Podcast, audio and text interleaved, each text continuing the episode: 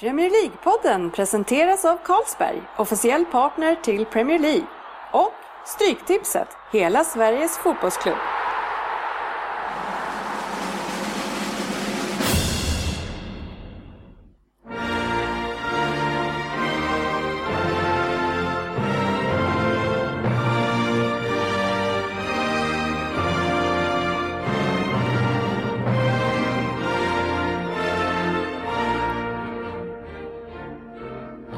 Här är Premier League-podden, fansens podcastmagasin om Premier League och den engelska ligan.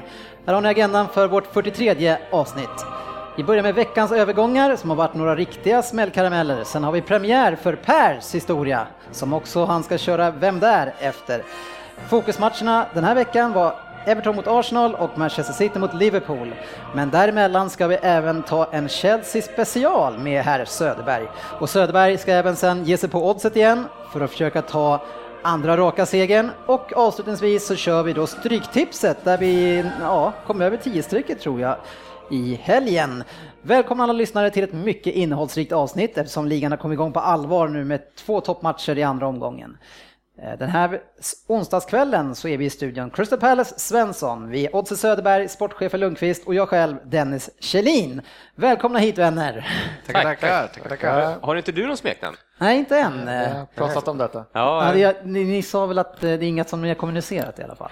Nej, Ja, vi lägger lågt med de smeknamn du har. Det var väl någon, någonting kring Che som jag som på- fram på chatten där, jag vet inte. Ja, det, det får växa fram känner jag. Har ni haft en bra fotbollshelg killar? Sådär, blandade känslor. Sådär ja. Man hade hoppats på mer, men man fick lite grann. Helgen var bra, måndagen var usel. Ja, i, eh, I Premier League så är det ju faktiskt så att eh, måndagen hör ju nästan till fotbollshelgen. Ja, mycket, blir- mycket bra matcher där. Jag tänkte så här. Eh, det har ju varit så extremt mycket spännande övergångar nu i veckan så vi ska hoppa rakt in på dem. För jag tänker att det ska få en hel del tid i det här programmet. Och den första bomben som släpptes förra veckan i slutet där, ja det var ju att Mario Balotelli var i Liverpool. Och det blev väl klart nu på måndags eftermiddagen va? Ja, precis. Han eh, flög hem till Italien på fredagen där tror jag. Eh, Nej, lördagen tror jag, efter läkarundersökningen. Sen kom han tillbaks lagom på eftermiddagen där och skrev på och sen eh, åkte han ju till Etihad arenan och satt och tittade på när Liverpool spelade. Vänta, vad fan? Eh, där kör vi igång igen. Per, du som har bra koll på agentvärlden, eh, hur kommer det sig att eh, Balotelli hamnar i Liverpool? Ja, alltså det sista jag hörde nu via mina kontakter. Eh, nej, men det var väl lite, det här är ju inte, det var ju Liverpools fjärde, femte namn. Han var ju liksom inte på topp. Och sen var det att Men okej, men nu måste vi, du har ju koll på det här. Hur vet du det då? Ja, men jag, vad- jag, har ju din- mina, jag kan inte outa mina, kon- jag kan inte outa mina va? kontakter. Jag kan inte outa mina kontakter.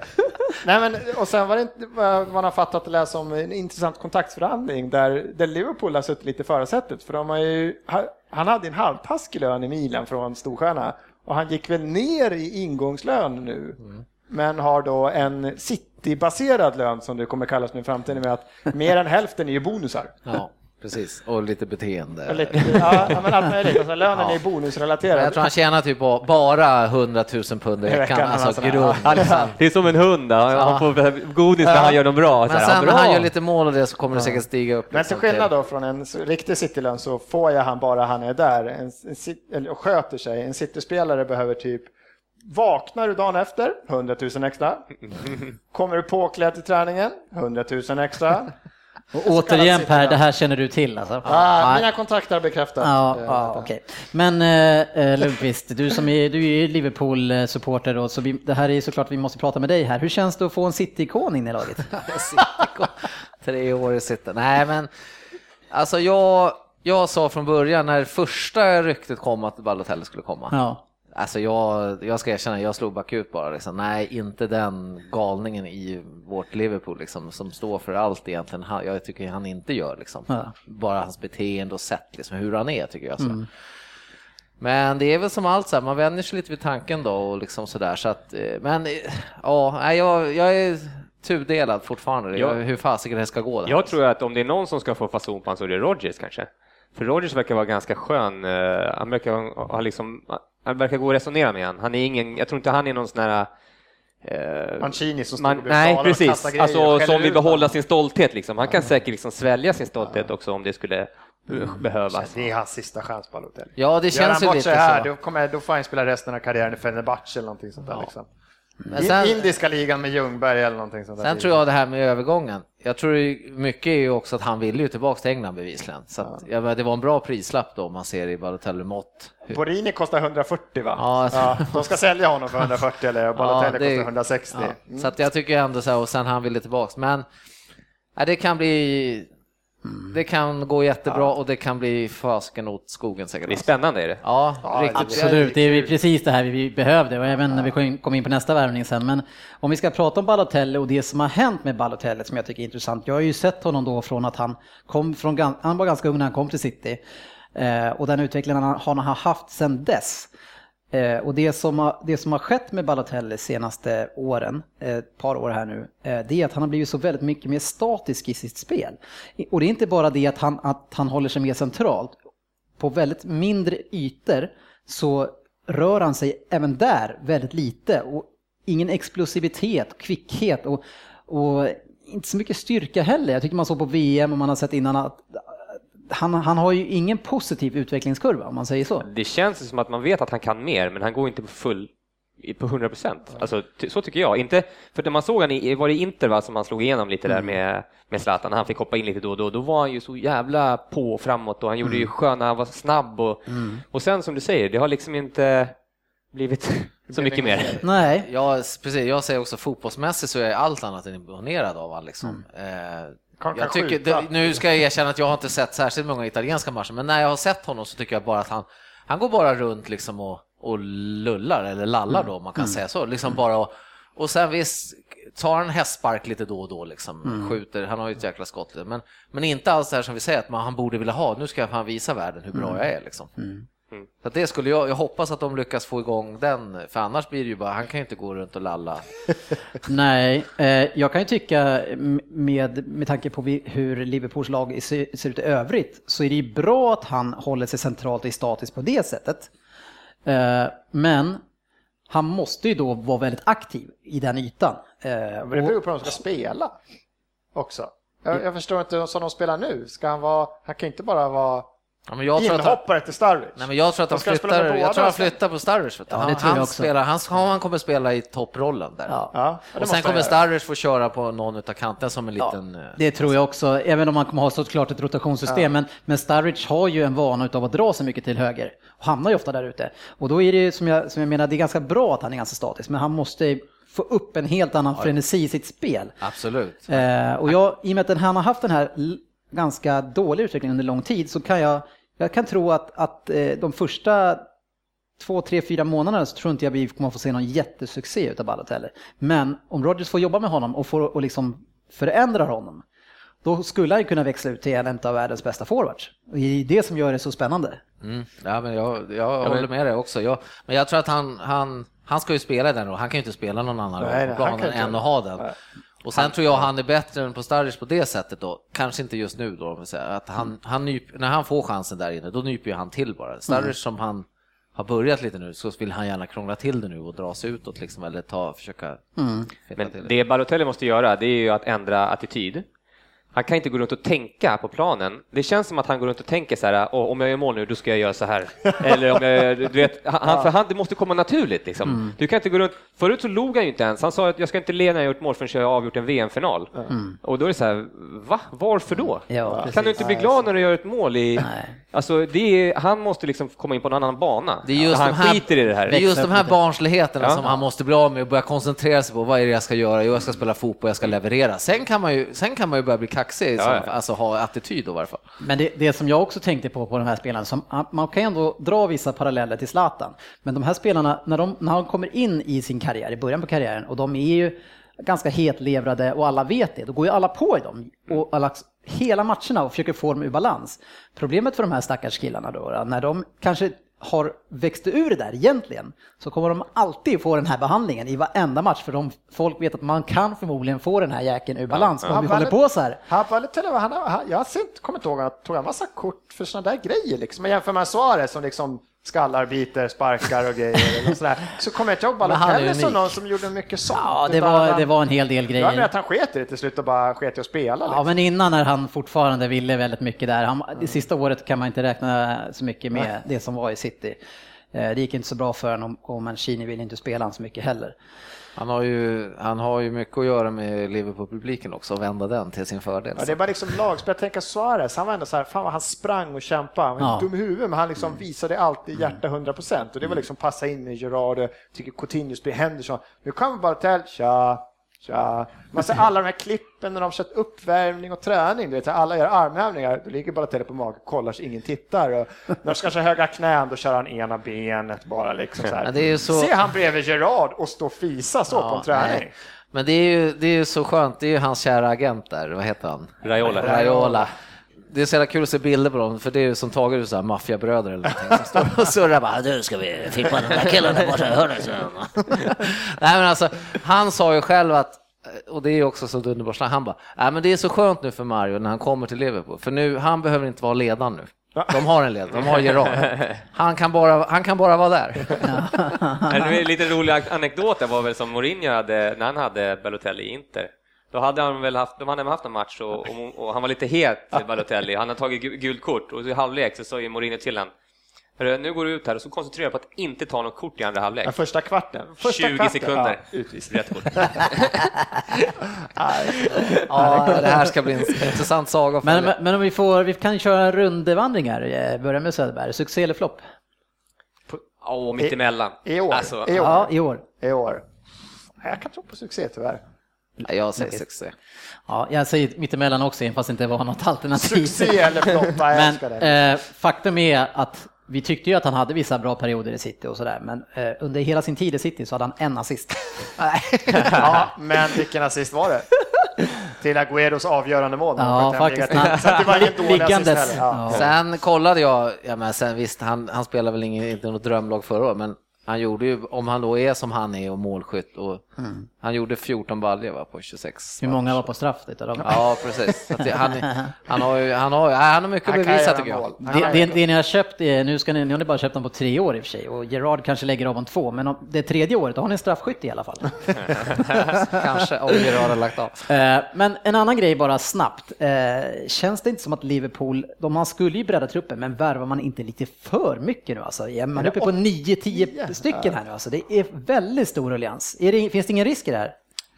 Jo, men det är, klart, alltså det är klart att det finns risk. eh, Men eh, alltså, jag, jag har också tänkt så här, men fan vad vi har värvat, men vi har ju ändå, nu har vi ju nu har vi ju två vänsterbackar då kan man säga, Moreno och Enrik. Nu har vi ju två högerbackar inlånade där, Xavier. Ja, ni har ni tre, va, Ja, tre. Flanagan när han blir hel, han är ju lite trasig tyvärr.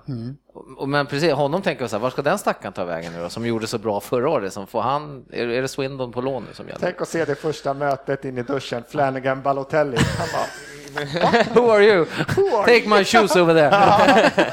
Ja, fast nej, men, så att jag, nej, men jag, det är klart att det är en risk med mycket gubbar, men eh, jag har fullt förtroende för Rodgers. Han, han sköter det och slussar in de där grabbarna. Ja, man, man, man köper väldigt mycket bra för framtiden i alla fall. Så eh, får han bara leda laget i många år så kan det växa ut till någonting bra.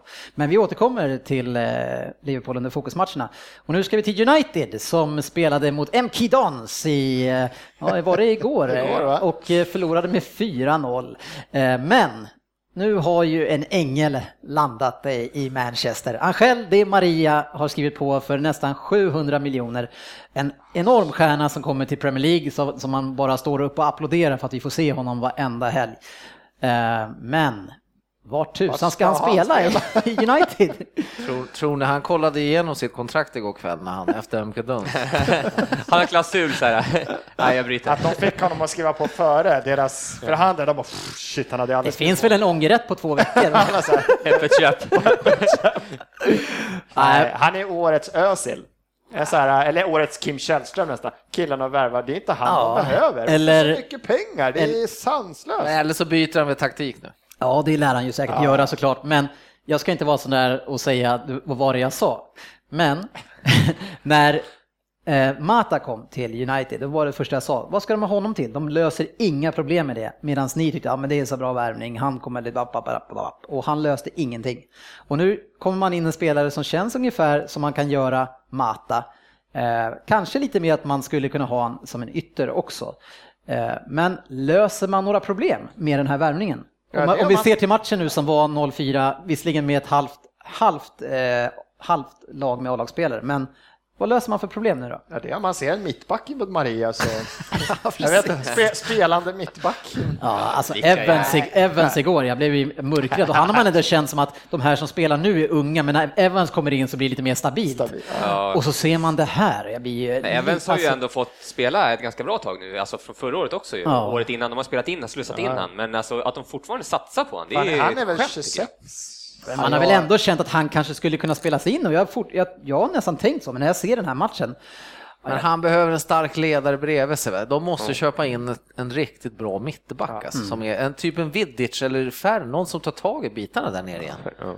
kan man köpa tillbaka dem? Och sen missar de en sån som Benatia som väljer Ja, att bli åttonde back i Bayern München istället på ett Ja. femårskontrakt. Nej, det är som du säger och, och visst tusan borde man kunna köpa bra backar för 700 miljoner, eller? Ja, för herregud. Det. Det måste väl finnas någon, någon holländare där nere eller. Ja. Nej men alltså det är klart, de måste, United måste ju kunna locka en mittback till sig och locka med lite pengar. Det här är ju, lar- det är ju nästan larvigt. Ja. Sen är vi, självklart är han en bra värld, men det är ju inte, som du säger, det är inte vad de behöver just nu. Nej, men sen så kan man ju man kan, man kan se på två sätt. Eller så är det precis det de behöver, fast det kommer inte lösa problemet i år. Det man skulle kunna se det som han är 26, att nu utifrån Maria och sen lite grann, man, nu börjar man bygga ett nytt, helt nytt lag kring den här personen. Man har fått in Shaw också. Man, man, man, får liksom, man kommer kanske inte få in alla pjäser på en gång, men nu har man en världsstjärna som man kan börja bygga det nya United kring.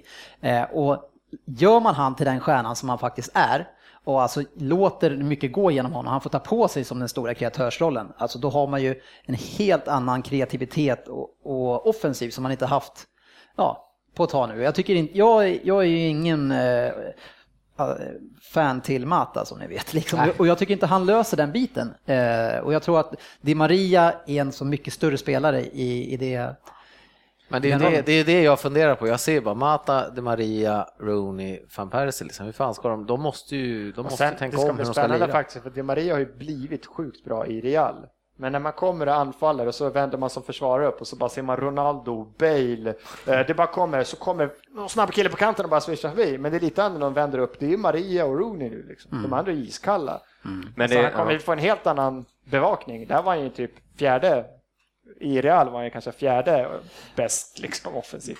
Men det känns ju som att man måste använda Maria och Rooney på något sätt bakom, eller liksom bakom Percy. Ja. Att det på något Ja. sätt måste få in de två centralt. För att om man nu ska spela wingbacks, alltså jag tycker fortfarande eh, Valencia var tydligen eh, eh, usels förra matchen förutom en assist. Men eh, han tycker jag fortfarande är bra i den rollen och borde fär- färga. Och jag tycker Rafael, när han kommer, borde funka där också. Man har Shaw som borde funka där och så köper man in kanske han blind som det är så mycket snack om. Jag förstår inte varför den affären aldrig blir av. Men eh, då är det ganska sett där, så det känns ändå som att det är centralt på något sätt. Han måste göra om lite grann för att få in honom. Ja, han, ja. Kanske. Ja, jag, måste- jag tycker det är en konstig diskussion. Det är, det är klart de får plats på något sätt för att Maria och Rooney, han kommer ju funka, det är bra lirare. Men det går varför har de inte köpt en mittback? Nej, det är märkligt. Men det, som, ja, men det som talar för att han ska lyckas, det är ju att, att eh, alla spanjorer, eller alla som kommer från spanska ligan till Premier League, går ganska bra i Premier League, förutom typ eh, Soldado i Tottenham. Men alla andra kommer in. Casola var ingen jättestjärna, men han är jätteduktig i Arsenal. Alltså Silva, de, de, kom- de verkar ha väldigt lätt för att spela i Premier League Ja. på något sätt, även fast de är ganska olika liksom, i Jag tror han ligan. måste byta taktik. Det är tvärtom. Men vi, Ja, men det, det måste han nog säkert göra. Men eh, Sen, sen alla, ett nyförvärv som kostar 700 miljoner, ett av de första uttalandena är jag ville egentligen aldrig lämna. Nej. Bara den början där. Men det kan man ju, alltså alla, är, alla förstår ju det. Ja, ja, det är inte men- så att United-fans tycker att det, är, en- att det är någon chock. Och det första som stod, det fanns bara ett lag förutom Ja. det är United. Det är klart att ja, men det sa du bara Det till har fansen. ingen sagt förut. Nej, då. nej. Men, det, men jag tror att man kan köpa det liksom. Och liksom United, man spelar sjua, man torskar mot MK Dons. Ja, vi, vi förstår, men nu kör vi. Liksom. vi är bakom dig. jag tänker inte mer på det. Ja. Eh, en sista lirare som har gått som free transfer, eller vad ska jag kalla det, det är Eto'o som har gått till Everton. Ja, precis. Hur känns ja, det? Ja, det, alltså, det är ju faktiskt jättekul för vilken, så, han är ju en ganska stor stjärna, nu är han till åren. Men eh, om vi tittar tillbaka några år, vilka stora stjärnor skulle gå till Everton då? Ja. Nu är liksom... Nu har, ja, men alltså nu har vi ju liksom, vi lyckas med Lukaku då liksom. Ja. Och sen så har vi då byggt upp de här som vi har med Coleman och, och Baines liksom. Det finns lite... Eh, och att nu en sån här stjärna skriver på, det är skitkul. Och han kommer ju vara en avlastningsspelare för, förmodligen åt Lukaku, men Lukaku Ja. går ju sönder ganska ofta. För jag tror inte han väljer att ändra och sätta... Eh, jag, ja, jag tror, han kan inte dra ner Lukaku eller, eller Eto'o i banan. Har ju Nacy också, han är Ja, het alltså. precis. Det går ju som tåget. Sen är, alltså, ja, det var ju som att vi kom inte, men det man såg, han sett Lukaku, han kan ju liksom, han är ju ganska bra på att komma lite djupare ifrån med fart framåt. Eto'o är ju mer en stationär längst Ja, fram. Att precis, Det precis. skulle ju kunna gå att kombinera dem om de vill, men Eto'o måste ju vara in som ett komplement. Det är annat. Mm. Det är roligt med ett sånt Ja, han namn. Nej, jag tycker också det är roligt. Everton, Det är kul. Eh, Jag tycker också att det är kul att han sa att "Nej, jag ska spela Premier League, eller Champions League nästa år. Det blev Europa League i alla fall. Mm. Jag vet inte om han missade det, att det var fel. Vad, vad har ni för kupp?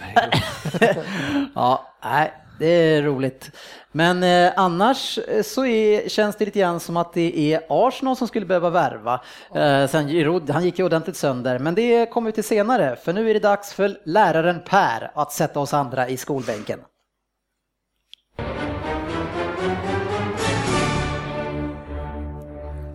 Pers historia. Oh, denna veckas historia så ska jag ta upp en av Premier Leagues största spelare faktiskt. Jag tyckte det var dags för en spelare. Och för oss som håller lite extra på Arsenal så är det för oss kanske den allra största, eller en av de riktigt stora. Veckans historia handlar nämligen om Tony Alexander Adams, eller Mr Arsenal som han också kallas. Mannen som blev Arsenals lagkapten som 21-åring 1988 för att sedan bära binden ända till 2002. Han var alltså lagkapten i världens bästa lika under 14 år. Och under de åren så exploderade ju Premier League och utvecklades från en sparka spring till en, världens överlägset bästa liga enligt oss. Tony Adams var bara 17 år när han gjorde sin debut för Arsenal och han tog en fast plats i Arsenals fyrbackslinje säsongen 86-87 som 20-åring. Den säsongen fick han även pris som årets unga spelare i ligan. Arsenal vann ligacupen med Tony i backlinjen. Det var lagets första titel sedan 1979. Men karriären i Arsenal startade långt tidigare. Han kom till Arsenal redan 1980 som en skolpojke och blev kvar i klubben tills han la skorna på hyllan 2002. Med 19 säsonger i A-laget är det kanske inte så konstigt att Adams är en av de mest älskade spelarna i klubbens historia. Säsongen 88-89 vann Arsenal sin första ligatitel på 18 år och man gjorde det med fyrbackslinjen The Famous Four med Lee Dixon, Steve Bold, Nigel Winterburn och Tony Adams. Smaka på de namnen grabbar. bara glamour. Vilka Ja, fotbollslirare. Underbart. Att titeln bärgades just mot Liverpool på Anfield i sista omgången gör det faktiskt bara ännu skönare. Om ni än inte minns den här matchen så var det så att Arsenal började vinna med två mål på Anfield. I den 90 minuten så står det fortfarande bara 1-0 till Arsenal med Liverpool bollen anfall, men en snabb omställning. Eh, så lyckas Michael Thomas peta in tvåan och titeln var Arsenals. Arsenal börjar nu vinna många fina titlar och varje gång var det Tony Adams som var där och fick lyfta pokalen. Det var ligan 91, FA-cupen och ligacupen 93, cupvinnarcupen 94. Fina år i Arsenals historia. Men Tony Adams var ju lite av den gamla skolan som återkommer och allt funkade inte riktigt hundra vid sidan av banan. Adams, Adams spenderade några månader i fängelse säsongen 90-91 för en rattfylla. Han var då lagkapten, men det var inga problem. Han fick tillbaka den binden så fort han kom ut igen. Eh, han hade då åkt fast med eh, fyra gånger högre alkoholpromille i blodet än det tillåtna. Men han gjorde alltid sitt jobb på banan. Säsongen 93-94 till exempel så spelade han match med 29 stygn i huvudet. Då hade han varit ute och ramlat i en trappa i ett fylleslag tillsammans med Ray Parler. Han hade då hamnat i bråk med några motståndarfans som hade häcklat dem. Det slutade med att Tony tömde en brandsläckare och avfyrade en signalpistol inne på en handikapptoalett på en Pizza Hut i Hornchurch. Efter karriären berättade Tony i sin bok My name is Tony and I'm an alcoholic hur han under större delar av sin karriär druckit stora mängder alkohol under de dagar han var ledig. I boken förklarar han att det var liksom inget problem tyckte de flesta, för alla drack ju liksom, så det var inte så konstigt. Inte ens fängelsetiden ändrade hans beteende med alkoholen, men sommaren 96 gick det inte längre. Efter att England förlorat mot Tyskland i EM-semifinalen tog Tony till flaskan och drack nonstop i sju veckor. Den sommaren lyckades till slut Tony Adams närmsta få honom inse att du är alkoholist. Och sen den sommaren har han inte druckit en droppe, säger de. Eh, men nu ska vi inte prata mer om det där tråkiga, utan vi ska prata om den fantastiska ledaren och fotbollsspelaren Tony Adams. Captain Marvelous, som han också kallas bland fansen, var lagkapten för Arsenal under den mest framgångsrika tiden för dem i modern historia. Han var en stor, stark mittback som vann hela nio titlar. Under karriären fick han liksom Per Mertesacker idag. Mycket skit för att han skulle vara långsam och trög i vändningar, men han kompenserade det med ett strålande spelförståelse och inställning. När han kom tillbaka den där, efter den här hemska fyllesommaren 96 så fick Tony Arsène Wenger som ny coach i oktober och Wengers hårda kostregler och allt annat runt omkring planen för alla spelare eh, räddade Tony och det här var ju faktiskt någonting nytt på de brittiska öarna när han kom. Eh, Wenger var den stora anledningen till att Adams karriär inte kraschade helt utan förlängdes med flera år och han fick ett stort förtroende från Wenger och Adams betalade tillbaka genom att vinna dubbeln både 98 och 02. Titeln 2002 innebar att Tony Adams blev den första lagkaptenen att leda sitt lag till ligasegrar i tre årtionden. Under Wenger utvecklades Tony Adams till, Tony Adams till en ja, mer eller mindre spelande mittback. Han började bidra mer och mer i Gunners anfallsspel, men det var kanske inte skönliraren Tony Adams som gjorde störst avtryck, utan det var ju ledaren. Runt julen säsongen 98 låg Arsenal hela 13 poäng efter United och Tony Adams hade själv varit totalt urusel. Efter ett samtal med Wenger där han framförde att han tyckte att lagets importer uppförde sig som citat legosoldater som bara spelar när de själv vill, så bad Wenger sin lagkapten att visa att du är kapten då, men ska du göra det så får du visa det på planen också. Berkan fick höra att ja, du har ju varit här i två, nu, två år nu, är det inte dags att du vinner något? Vira, som många inte tyckte jobbade tillräckligt hårt på träningarna, fick höra den här kommentaren.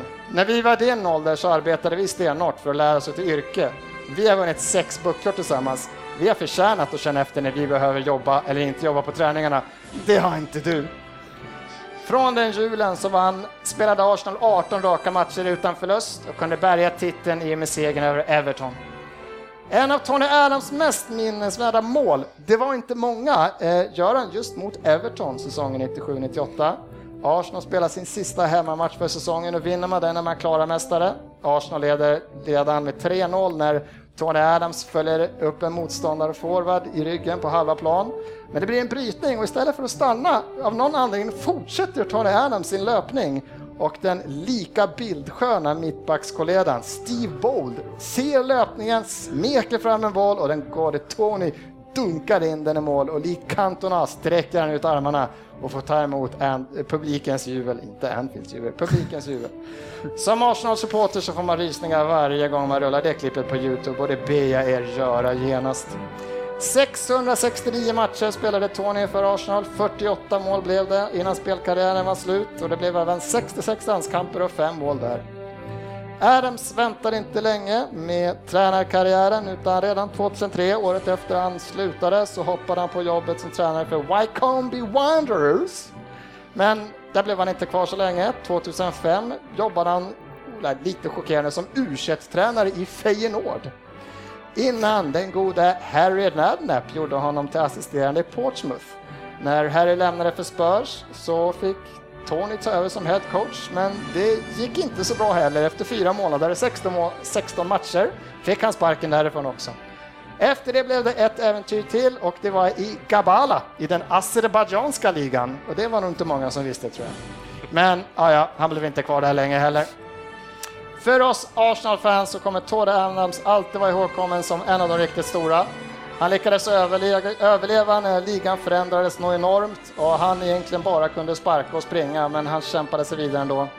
2004 blev Tony förärad en plats i The English Football Hall of Fame och Tony Adams är en av de fyra som har blivit förärad en staty utanför Emirates. Ja. Där var det. Ja, bra tajmat. För där tog mitt klipp slut. Jag tycker ändå det är skönt att du försöker från att han varit en fotbollsspelare under hela den här eran. Jajamän. Alltså det enda jag kommer ihåg av den här fyrbackslinjen, det var att de stod med händerna rakt upp. Offside! Herregud vilken fyrbackslinje alltså. Det, Den var magisk, herregud. Ja, nej. Då spelas det inte så mycket fotboll längre. när jag hör de där namnen så tänker jag inte på massa, det är inte massa bra fotbollsminnen jag kommer tillbaka, jag tänker på bra Bara- fotboll. Det är Men, bara riktig fotboll. Leriga planer och typ så här. Ja, Ja, ja, det är vackert. Jag sitter här med lite stånd måste jag säga. Ja, det, fy fan. ja, det fick jag ingen vacker bild jag säga. Det är tur att vi har ett bord som täcker det där. Ja, nej, bra Per. Eh, en härlig monolog, kanske rekord i längd också. Så blir det.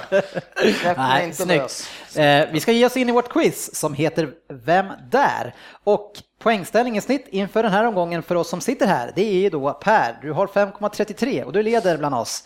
Sen har vi Söderberg som har 3, Lundqvist har 3 och jag gör min debut här idag, så det står snart en 10 på mig.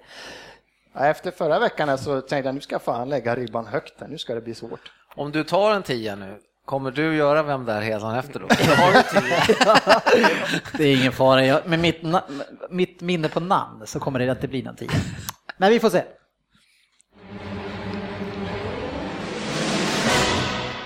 Vem där? På 10 poäng. Vilken ära att lilla jag får vara med hos er. Jag har följt er noga och får vara med i det här programmet. Det kommer jag skriva in på min Wikipedia-sida direkt kan jag säga. Eh, det var inte självklart att min karriär skulle bli så fin som den faktiskt blev. Eh, när jag var 17 år bara förlorade jag min bror. Han dog på fotbollsplanen och det tog mig väldigt hårt. Ända till den dagen som jag avslutade min karriär i England så kastade jag alltid några grässtrån upp mot himlen för att hedra honom när jag klev ut på en fotbollsplan. Det var alltså i England som jag avslutade min karriär, men jag hann med spel i både Frankrike och Spanien. De bästa åren i karriären spenderade jag i England där jag vann dubbeln 97-98.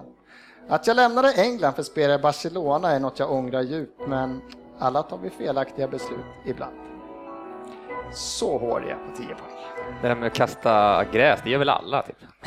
Har alla förlorat Nej, en men vi brukar- många plockar och kysser. Det är på golfbanan när man ska kolla vart det blåser. Hörru, vi brukar alltid få en sån här eh, inledning att det är så här. Hur gammal jag det om- jag har spelat ihop med Tony Ja, ja, Adams. vad, är kopplingen till Adams? Det vill vi ju veta. Är det en koppling till Adams? Det, det, det var tian. Nej, herregud. Herregud, ska den vara här kommer ju bli Eh, elak. Eh, Man fått en he- alltså, har man varit med så tyckte jag det fanns lite att jobba med. jag gissar på 10 poäng. Var det? Jesus. Han är wild and crazy. Ja, men det är... Ja. Vä- vänta nu. här. 10 tyckte den ska Vänta, vara svår, vänta, men inte vänta. omöjlig. Men du kan inte gissa på 10 då? Eh, nej, precis. Men jag, okej. jag har någon på gång. Kör, nästa. 8 poäng. Det var i Frankrike allt startade. Mr Wenger såg någonting i mig, för det ska jag få vara honom evigt tacksam. Han är verkligen en stor tränare den där Arsen. Jag som höll på att ge upp fotbollen helt och istället fick jag vara med och vinna stora titlar både i klubb och landslag. Att min säsong i Barcelona inte blev så lyckad stör mig inte så mycket. Det var ju trots allt inte lika stort att skriva på för dem som det var den dagen jag fick dra på mig den vackraste tröjan av alla, Arsenals röda och vita. Arsene hittade en position åt mig på mittfältet som passade mig perfekt. Säsongen 97-98 gjorde att jag spelade mig till en plats i landslaget och jag fick vara med och vinna VM-guld på hemmaplan. Att sen att jag faktiskt fick göra ett mål i finalen var ju nästan för perfekt. Det målet var också det tusende målet i det franska landslaget och det är jag ganska stolt över. Ja, den säsongen var verkligen fantastisk. Det var åtta poäng. Fan, nu måste vi börja Ja, jag har ju två namn här, men Ja, jag har ett som jag, men det är frågan. Vet du. Såg du vad jag skrev? var någon av dem i Barcelona. Är den sista? Du kanske inte han ser. också, men nej. Fan, skrock. Började där. Ja. Frågan är om man ska chansa på någon av de här. Nu ska vi se, det var så. Jag vet inte om Åh, han för gjorde fan, mål det är han ju. Spanien. Om han gjorde mål vad fan i, heter i VM-final? Var han i Barcelona? Eller var det han? Ah, ja, vi kör sexan. Säg! Poäng.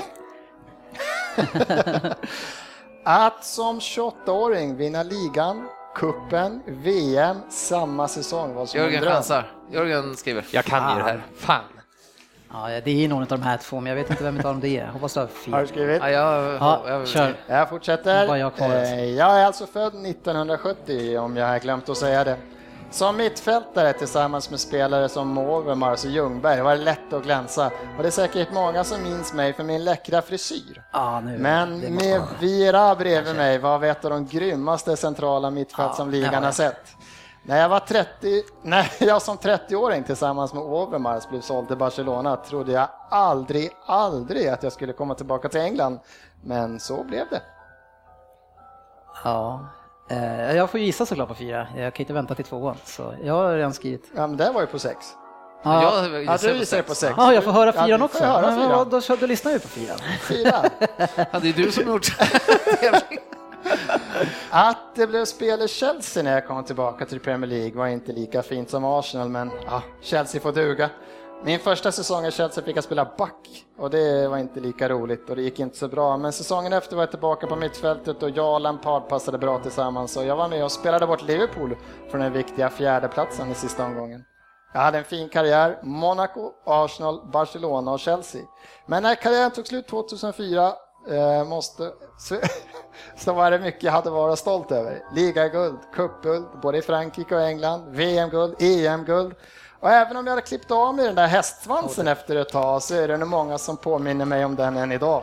Att jag alltid hade nummer 17 under min, eh, nummer 17 under min karriär är det kanske inte lika många som minns, men nu kanske ni vet varför. Ja, fan, jag hade han på sexan där också. Men Synd. att han inte tog han på åt, vi skulle ta honom på åttan såklart. Ja, men jag hade två då. Fan, Han gjorde mål i VM-finalen. Ja, ja, ja, tyst med det. Kör två poäng. Har du du, har, du har väl inte ens gissat rätt? Nej. Nej, Nej, då så tyst med så sitter han och hånar. idioter. På två poäng. Nu är vi nere på två poäng så jag ska försöka göra det så lätt så till och med sportchefen klarar det. Eh, jag vill inte verka petig, men jag hoppas att någon av er kan uttala mitt namn rätt. Gärna med lite fint franskt uttal. Det var Jörgen som missade på 10 va? Vad gissade du på? Där stod det, Viltord. där stod det Victor. Det det var sportchefen sen då. Då vill vi höra uttalet. Eh, Petit?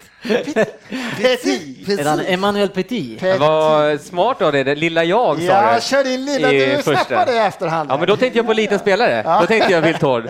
Och sen tänkte jag så här, vad fan, varför Petit? Men då kom jag på det. Ja, det var bra. känner- Jag, Lilla jag. Jag känner mig wild och crazy när jag gissar på sex helt plötsligt. Jag inte över fyra har jag sagt. Men på åttan när du sa han gjorde mål på hemmaplan i VM-finalen, det var ju bara två av Zidane och ett av Petit. de vann Jag med måste säga... De vann med 3-0 mot Bra- 3-0. Brasilien. Ja, 3-0 var det. ja, jag hade Pires där på listan länge, så jag visste inte vem av dem jag skulle plocka. Så jag var tvungen, men jag, jag kunde inte se någon av dem i Barca. Så, nej, men det är bra Per. Jag är nöjd, jag är nöjd. Ja, bra, bra. jobbat. Vi tar oss vidare. Veckans fokusmatch. Ja, det är dags att prata lite riktig fotboll nu och gå ifrån historien och eh, Pers långa monolog det här avsnittet. Och nu är det dags att prata om den första stormatchen som har varit den här säsongen och det är Arsenal som mötte Everton borta.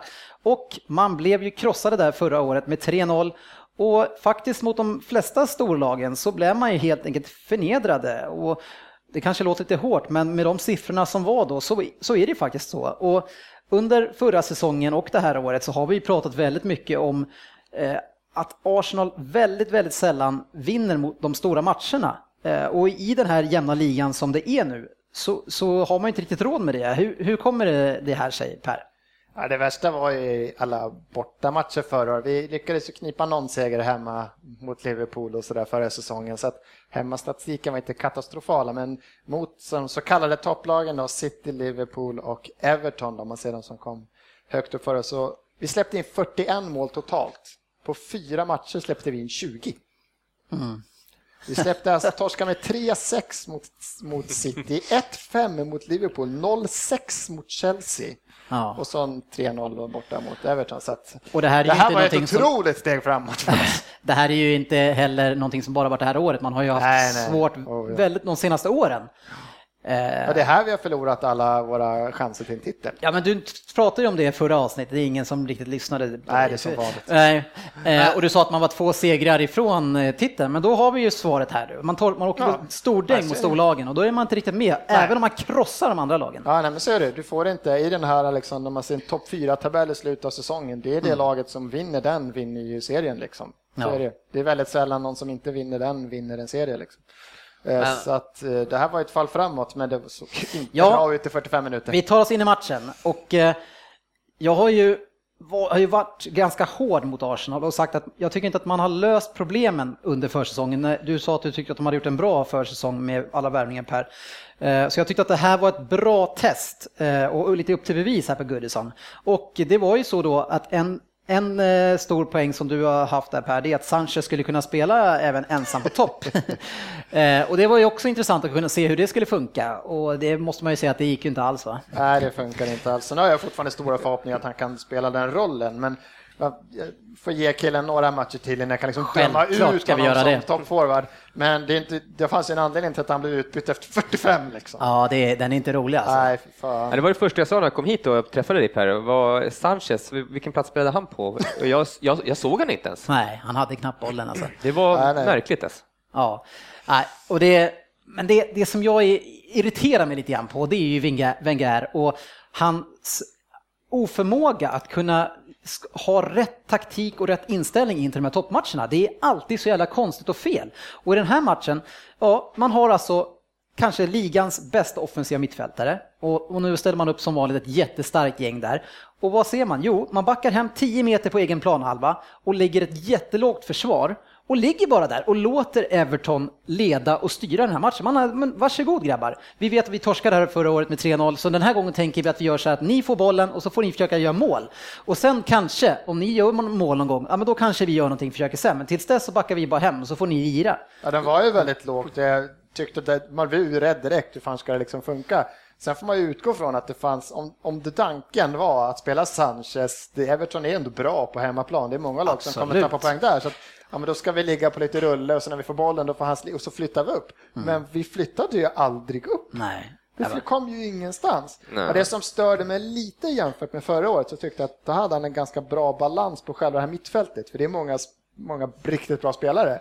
Det jag har sett de här första två matcherna år är att det finns ingen som helst balans på mittfältet. Det finns ingen som helst. Det är spelare överallt och ingenstans. Och de som ska, som en Özil, han ska ha mycket boll. Vad fan var han liksom? Man, Jag såg inte han heller. Han lika gärna kunna byta men, honom. nej. men något som eh, Everton har, som Martinez har fört in, det är ju det att när vi blir av med bollen Everton, då ska vi ta tillbaka den. Mm. Lite som den här, lite innegrej inom fotbollen som Barcelona egentligen började Du menar ta tillbaka den snabbt? För de Snabbt. flesta lagen vill nog ta tillbaka bollen. Jo, men alltså snabbt, att, liksom inte då, att inte då backa hem och Ja, liksom låta... precis. Och eh, det gjorde vi ganska bra i första halvlek, för eh, så fort Arsenal vann bollen, då vart de av med den. Ja. Och så det var därför de aldrig hade något anfallsspel. Liksom. Nej, och jag tycker just den här matchen, det är ju av våra mittbackar så är det Koscielny som är den lite mer spelande backen i alla fall. Lite mer och nu idag hade vi Chambers som jag tycker har startat helt underbart i Arsenal, men att pressa då en Monreal, Chambers och Mertesacker när högt, det funkade ju liksom. Det funkade hur bra som helst. Men man kan ju tycka att man, om man nu ligger lågt med 10 pers, att man ska kunna spela sig ur då, för det borde ju finnas spelare där bredvid den som ska Ja, hjälpa men en. de försökte, men det, det gjorde Everton lite bra. Det var,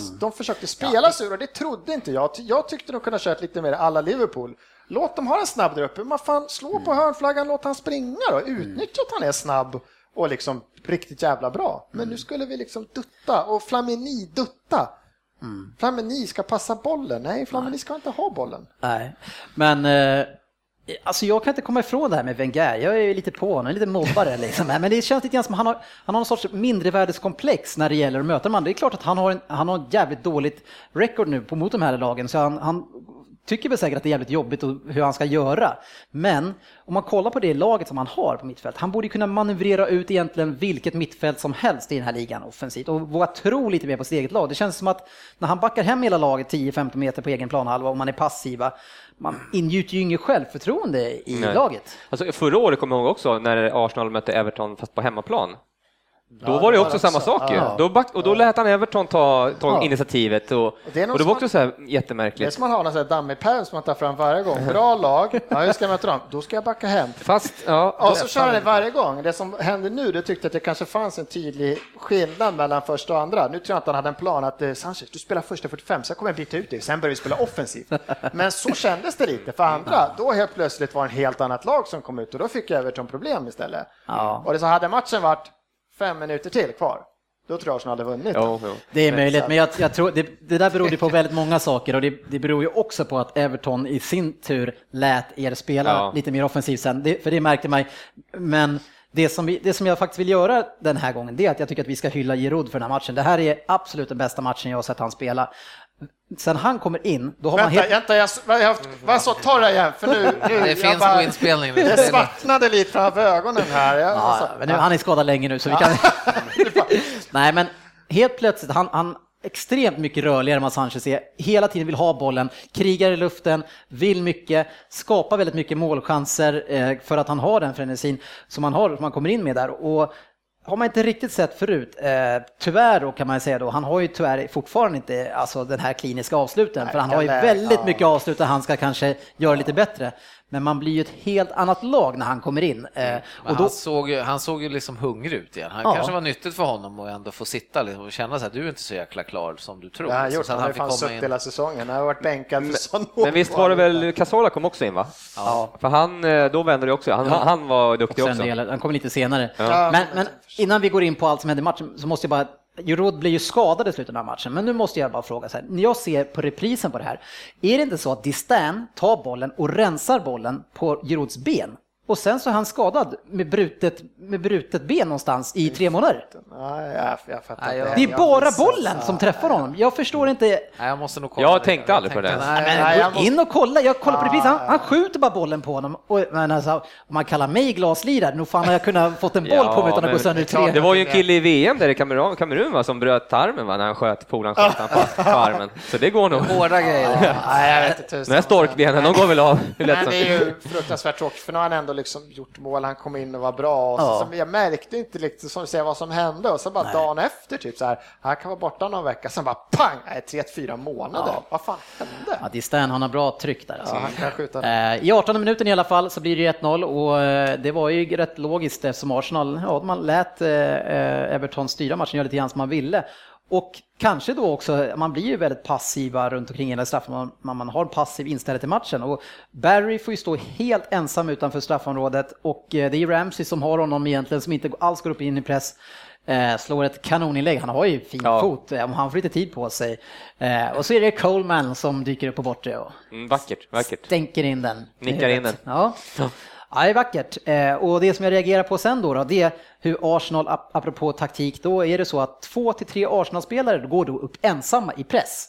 Och det brukar man ju liksom när vi spelar våra sporter, liksom alltså, antingen pressar vi eller så, så gör vi inte, man kan inte gå dit med en, två, tre stycken, det är liksom på juniornivå att göra så. Men så såg det ut, det var tre stycken som sprang upp och jagade och den där planen, den såg ut som att det största fält jag någonsin har sett när Arsenal skulle jaga boll. Det var ju så stora ytor för Everton. Nej, första var det, som sagt, det är den här mittfältet ska ju liksom vara våran starka, det är där vi ska Ja. vara bra. Och det är där vi var bra förra året. Och det är inte så mycket, om man tittar på de ställde upp så är det inte liksom jättestora skillnader den här matchen. Det borde bara Nej. rulla på, men det fanns ju ingen mittfält liksom i första. Nej. Eh, 2-0 i 44 minuten kändes inte heller helt ologiskt. Vi ska dock säga att det här var ju ett offside-mål. Ja, det- Eh, Men eh, det är Naismith som blir fint framspelad och Lukaku som tar ju två dueller på vägen. Ja, men det, ja, där ska det vara frispark också tror jag. Han, han fäller han ju när han Ja, täcker bollen lite. Ja, där. lite, men Han är före där ja, ändå, man, man vill ju inte, men jag, jag, för fan det där, jag blev, det var vackert alltså. Det, är, det är två glidtacklar, han hoppar och Ja, visst, fan, det där alltså, När han accelererade, man ser det, eh, hur shit. han först sänker tempot lite Ja. och så kommer, vem det var som kom och gled mot honom? Var, var det Korsel 9 eller? Ja, nej, det Eller var Chamber. eh, Chambers, först så var det fan Mertesacker också som försökte. Ja, och, och han hoppade över. Nej, det var Ja. fint. Han är i Ja. zonen. Men det var dåligt av backen att stöta där och försöka Ja, stötbyta bort fan ta med kroppen. Men det är ett offside-mål som sagt. Ja. Ja, men det men var jag kan ändå tycka att bara det jämnar ut sig över en säsong, Mm. här, för vi kan ju sitta fjärde reprisen så, är det är ju fan offside.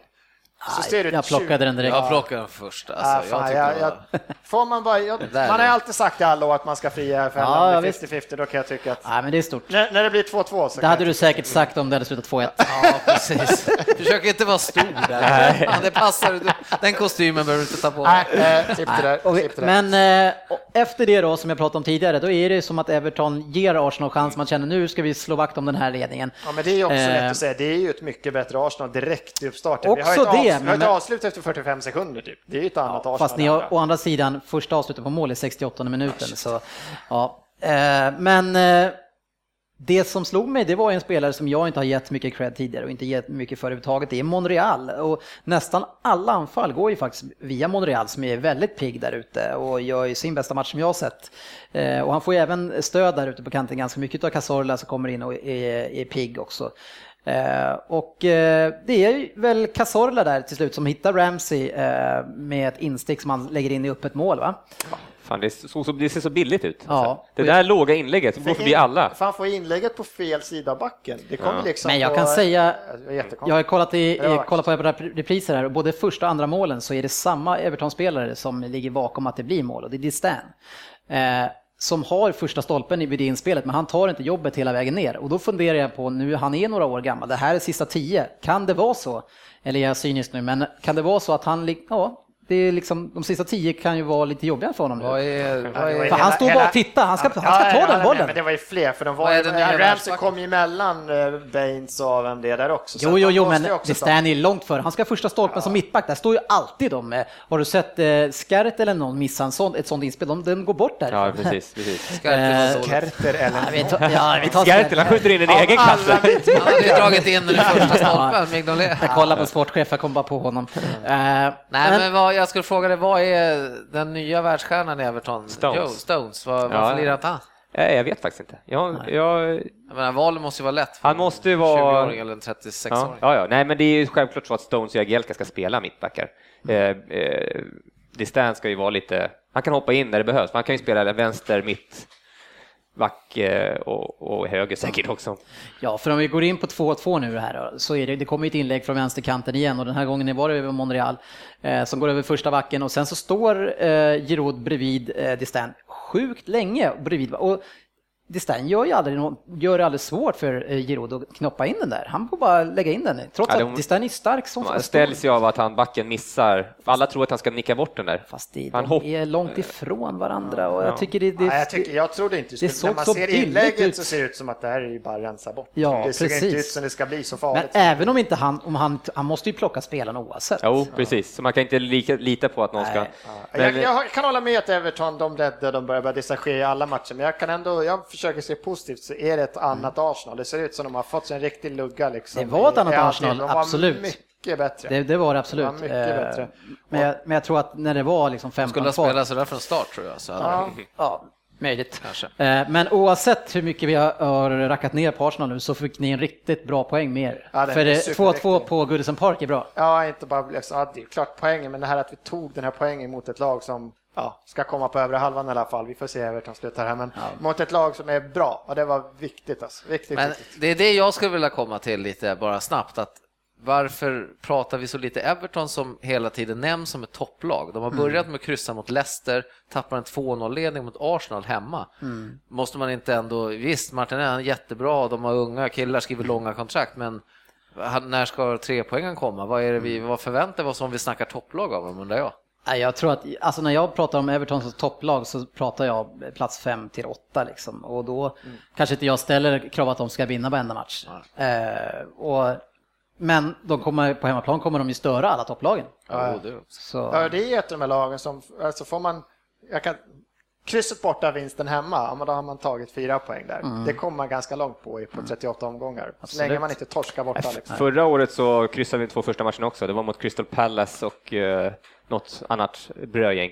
Så jag menar, två poäng ändå, en ändå Ja, men Liksom. Everton kommer vara med där uppe och kriga, Mm, det det tror jag absolut. Men under en lång säsong så ser de ändå femma, Ja. femma sjua däromkring. Men eh, de får gärna Fyra skicka Ja, ja, iväg eh, Liverpool och Arsenal någon annanstans. Men eh, Pinar skadad också. Ja, Han är Ja, alltid han skadad. åkte på en rejäl smäll där. Han hade varit bra. Vi lämnar, mina vänner. Det här kommer att bli ett rekordlångt avsnitt igen. Eh, och nu ska vi in i vår special som är, där, som är signerad av Jörgen Söderberg och vi ska ta en titt på Chelsea. Och eh, som det varit innan nu då, så har vi fått uppgifter att vi ska kolla förändringarna in och ut från förra året och diskutera dem. Vi ska diskutera den för- förväntade startelvan, kolla vilka nyckelspelarna är och sen lite grann eh, hur det går i ligan, Jugga. Så Ja. ös på nu då. Ja, eh, jag ska börja med att säga så att eh, förra året kom ju Mourinho tillbaka och han sa ju direkt att eh, i år är vi inte redo att vinna ligan liksom. Jag har inte fått göra mina köp och bla bla bla. Men nu har han ju fått ett år på sig då och fått köpa lite. Så han, nu borde han väl vara redo tycker jag. Och han har då köpt in eh, Didier Drogba tillbaka, eh, Fabregas, eh, Diego Costa, Felipe Luis och någon eh, Mario Pasalic, det är säkert någon de lånar ut till Vitesse eller något sånt där. Och så har de ju tagit tillbaka Courtois på, från lån på, från eh, Atletico. Eh, så att, eh, ja, Och två, av de här nyförvärven så är det ju Fabregas och Costa då som har egentligen gjort någonting hittills, som man säger. Eh, Luis där, Filip Luis, han har ju inte fått spela, jag vet inte om han Jag vet inte. är skadad. Och jag vet inte riktigt, för de har Aspilicueta och Ivanovic eh, på kanten. Ja, ja. Svårt att peta Ivanovic alltså. ja det nej, är så bra. Monster. Alltså. Vilken uppstart. Och, det, och då blir det ju så att As- Aspilicueta, som han är ju ändå som det verkar en- favoritspelare till Mourinho. Han Men, har ju spelat både vänster och höger. ja, men precis, så han vill inte peta honom så då blir får han vara kvar där ute tills, eh, ja jag vet inte. Det, jag kan ju tycka i och för sig att en sån som Ivanovic, att man, man borde ju kunna ha han i mitten eh, som mittback. Men jag tror inte en sån som när man kommer från Atletico Madrid, så han, jag tror inte han har gått in och förväntat att han ska liksom spela 85% av matcherna. Alltså Mourinho vet ju att han, han ska spela, han ska, han ska vinna FA-cupen, han ska vinna ligan, han ska vinna Champions League. De ska ligga, de kommer upp i 60 matcher, han kommer ju få sina 20 liksom. Ja. Jo. Nej, men jag tror ändå, ja. Ja, nej, men det ska bli kul att se. Eh, Men i alla fall så har de, han har gjort av sig med några också då. Mhm. Eh, Och det är då de man bör, eh, Till Vitesse. Ja men de man bör eh, i alla fall uppmärksamma, det är ju David Luiz då, Ja, just det. som fick gå. Eh, Och han var ju ingen favoritspelare i början av förra året för Mourinho heller. Han Inte var ju bänkad. Han fick ja, han fick en del på slutet. Eller Fast som, slutet. mitt, som defensiv mitt oftast. Ja, men jag tycker ändå han var ganska bra. I Champions League var han väldigt bra. Ja. Eh, De har gjort sig av med Lukaku då, till Everton som ja, har varit utlånad länge. Dembaba fick gå till Besiktas, va? Eller? ja, spela nu va? Ja. Ashley Cole släppte de. Frank Lampard. Och sen har de lånat ut eh, massor av spelare eh, som jag inte orkar dra här. Det var inga kända direkt. Det var ju lite unga sådär. Till Vitesse. Och så har de avslutat kontraktet med To och eh, Hilario, den gamla. Ja, han har varit där länge. Ja. Alltså, det, Var inte han samtidigt där som Alltså Hedman? peta, han petar ju Hedman, Ja, 41 år gammal. varför, fick ingen, varför fick man inte veta det här som talanglös utspelare? Bli målvakt, för du kan vara tredje målvakt och åka runt till massa Ja. bra klubbar. Du behöver, inte spela. Ja. Du bara får pengar. Ja, fast, sjukt. fast de här killarna har ju lirat lite landslag och sådär. Jag vet Nej, inte. det vet fan. Ja. ja, så han har gjort lite rokad där då, i alla fall. Har du någon förväntad startelva eh, i det här gänget? Om man ser då I- återkommande under hösten, som du tror? Ja, om man tar lite från det här som de har varit nu också i början här, eh, och, och vad jag tycker, så är det då Courtois som ska ha första platsen i målet istället för Check. Check eh, ja, han var ju bra Courtois senast också. Ja, en bra måls. Sen är det då Ivanovic på ena backen, eh, Terry, Cahill och eh, Aspilicueta har jag sagt. Alltså Felipe Luis där, han får nog en inkörningsperiod Ja. förmodligen. Och så blir det då Matic och Fabregas som lite sittande ja, mittfältare. fantastiskt mittfält. Ja, faktiskt. älskar Alltså, och de där kan nog komplettera varandra bra. Alltså. Ja. Matic är ett djur och Fabregas är ett geni. Ja. Sen har vi då framför dem eh, Hazard, Oscar och Schürrle. Lite sådär Schürrle kanske inte, jag tycker han ska spela, men han verkar, jag vet inte om han kanske kan blomma ut i år till slut. Mm. Och så Costa där framför, då. så det är en eh, 4-2-3-1 uppställning. Mm. Och då har de ju på bänken Willian, Ramirez, Sala, Torres, Drogba, Check. Ja. Ja. Ja, den, enda, alltså den här, det här sjuka laget, eh, den enda som jag tycker eh, faller lite, som inte jag tycker håller mot de andra, det är Oscar. Jag ser inte riktigt hans storhet eh, faktiskt. Lite ojämn. Han var ju ganska bra i någon match i VM och sen en osynlig... Ja. Eh, ja, ja. Men en fantastisk mittfältare som måste flytta på sig på en gång, det är ju Ramirez. Ja, vad, vad gör Ja. han där? Han är, fan, han är en otrolig kämpe och ja. som man kan använda. Tvåvägsspelare alltså. Ja, det Han är är, ju waste of time att sitta på bänken Alltså, där nu hoppas jag att han inser ta de där jäkla 700 miljonerna för Di Maria och skicka dem dit och köp honom till. United. Alltså, det är en riktig superlirare alltså.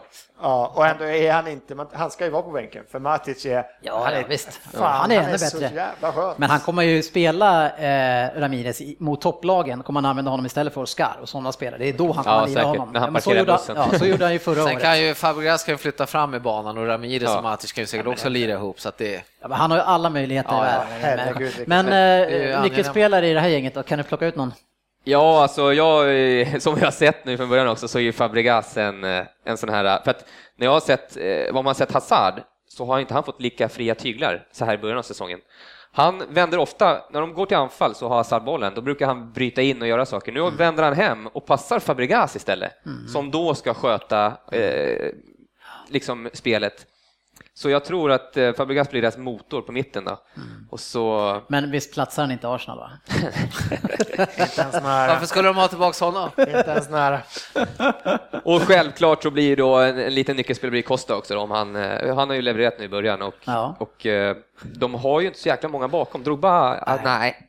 Eh, Torres, nej. Nej. Nej. Vad har de sen?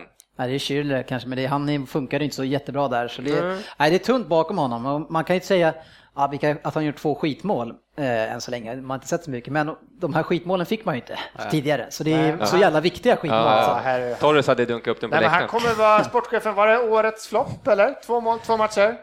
Nej men flopp är ju ett tungt ord.